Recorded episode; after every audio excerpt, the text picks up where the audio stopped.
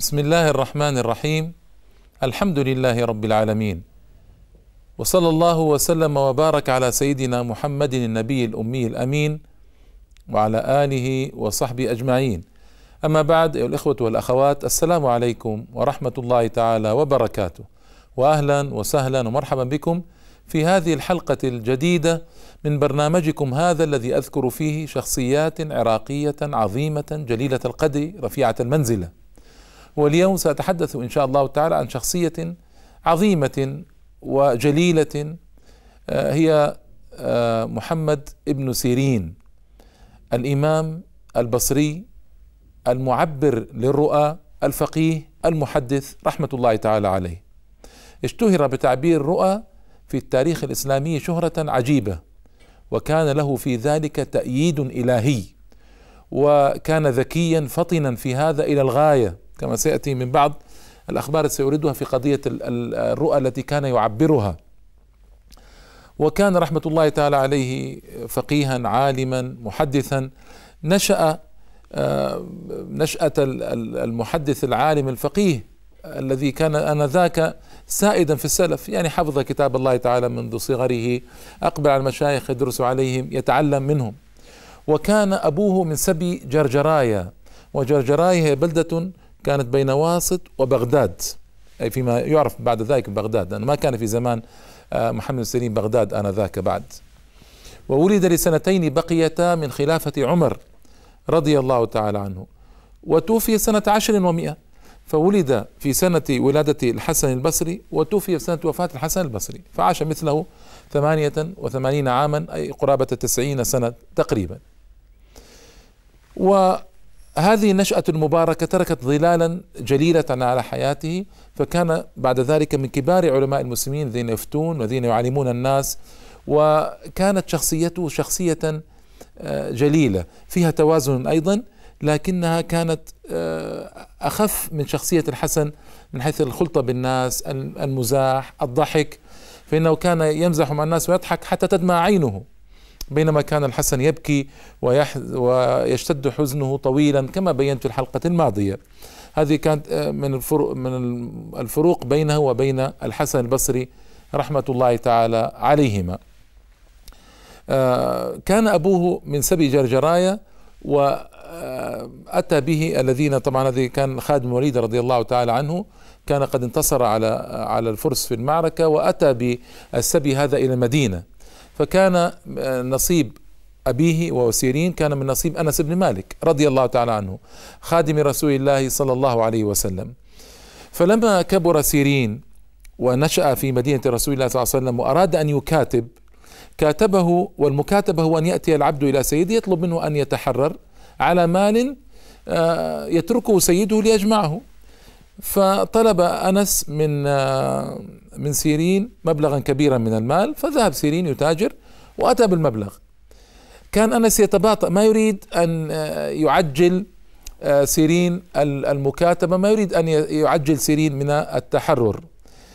فشكاه إلى عمر عمر ألزمه بأن يدفع المبلغ المؤجل. لماذا أنس ما كان يريد؟ لأن كان هناك موعد بينهما. آه، مضروب مدة معينة فسيرين لما تاجر وكثر ماله أتى بالمال مبكرا. ما رضي أنس بن مالك أصر على أن يكون في الموعد حتى يستفيد من سيرين. أما عمر رضي الله عنه فألزمه وأخذ المبلغ وحرر سيرين وصار حرا. آه، تزوج صفية مولاة لأبي بكر الصديق رضي الله عنه وجاء جاءت بمحمد بن سيرين. محمد كان بارا بها إلى الغاية. كان بارا بأمه هذه صفية مولاة أبي بكر الصديق إلى الغاية العجيبة من البر. فكان إذا تكلم عندها يخفض صوته عندها حتى يظن الظان أن به مرضا. صوته لا يعلو عند أمه من شدة بره. اسمعوا أيها الشباب أيتها الشابات كيف كان يكلم أمه بصوت خفيض لا يعلو برا بها؟ وكانت أمه حجازية يعجبها الصبغ الثياب المصبوغة. ففي العيد يشتري لها ثيابا ويصبغها بنفسه ويهديها لها رحمة الله تعالى عليه. البر البر شأنه عجيب وباب عظيم إلى الجنة وإلى أعلى درجات الجنة. وكان محمد ورعا إلى الغاية.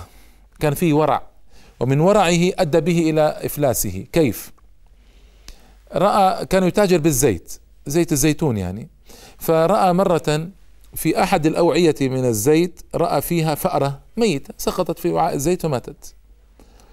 فسكب كل ما عنده من زيت. يخاف إن باع لأن الزيت هو مائع. فخاف إن باعه إن باع هذا الزيت أن يكون الفأر قد ولج في بعض الأوعية فنجسها. فخاف من ذلك وسكب كل الزيت. بينما كان الواجب عليه شرعا يعني أن آه، يسكب الوعاء الذي وجد فيه الفأرة الميتة لكنه سكب جميع الأوعية فلاحقه بسبب ذلك دين حتى أنه وضع فوق مصطبة ونودي عليه هذا ابن سيرين الذي أكل أموال الناس. نسأل الله السلامة والعافية. فهي محنة إذن. محنة أن ينادى عليه بين الناس بهذا. وما هو ما أكل أموال الناس معاذ الله. إنما هو دين لحقه بسبب أنه سكب كل الزيت فصار الناس يطالبونه بالمال وليس عنده. ومن العجيب أنه يقول إني لا أعلم من أين أتيت. يعني لماذا حصل هذا لي؟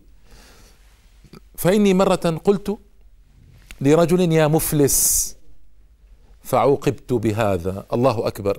انظروا كيف قلت ذنوبهم فعرفوا من أين عوقبوا.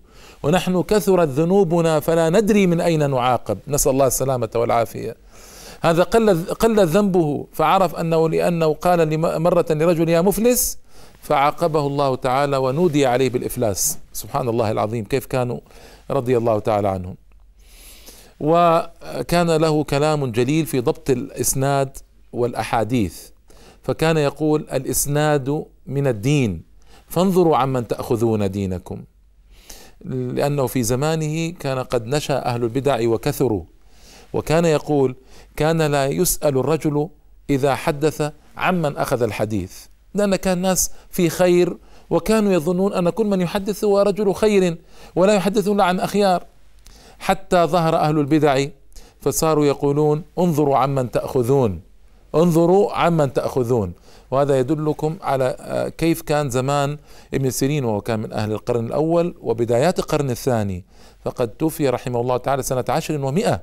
لكن مع ذلك كان يتحرج في زمانه عمن يروي وكان أيضا يقول انظروا عمن تأخذون دينكم وافحصوا أسانيدكم. هذا على أنه ما كان بينه وبين رسول الله صلى الله عليه وسلم إلا الصحابي غالبا. لكن إذا آه، روي عن بعض التابعين فكان يطلب أن يتحقق ويتثبت من هذا التابعي. لأن نحن نعلم أن الصحابة كلهم عدول لا يحتاج إلى السؤال عنهم رضي الله عنهم. بينما التابعون لا لابد من السؤال عن أحوالهم.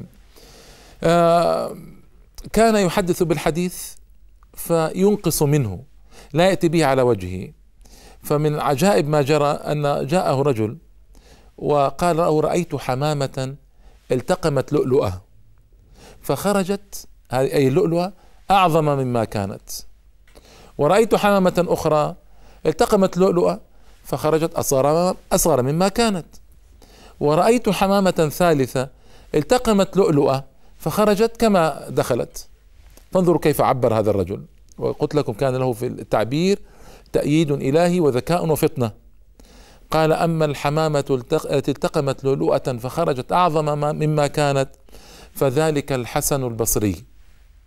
يحدث الحديث فيجوده بمنطقه ويصله بمواعظه. وأما الحمامة التي التقمت لؤلؤة فخرجت أصغر ما كانت أصغر مما كانت فذلك أنا. أحدث الحديث فأسقط منه يعني حفظه ما كان مثل حفظ الحفاظ الكبار واللي هو حافظ أيضا. فأسقط منه. وأما الحمامة التي تقمت لؤلؤة فخرجت كما كانت فهو قتادة وهو أحفظ الناس. يعني إذا سمع الحديث يرويه كما سمع بالضبط لا يسقط منه حرفا. سبحان الله العظيم. هؤلاء الحفاظ شأنهم عجيب وغريب. وروي بسبب حفظه منام ارتآه أو رآه رحمة الله تعالى عليه. عجيب هذا المنام. قال دخلت مسجدا فرأيت شابا حسن المنظر جميله. ومعه ثلاثة من الشيوخ. فقلت له من أنت؟ قال أنا يوسف. وهؤلاء آبائي إبراهيم وإسحاق ويعقوب. افتح فمك. قال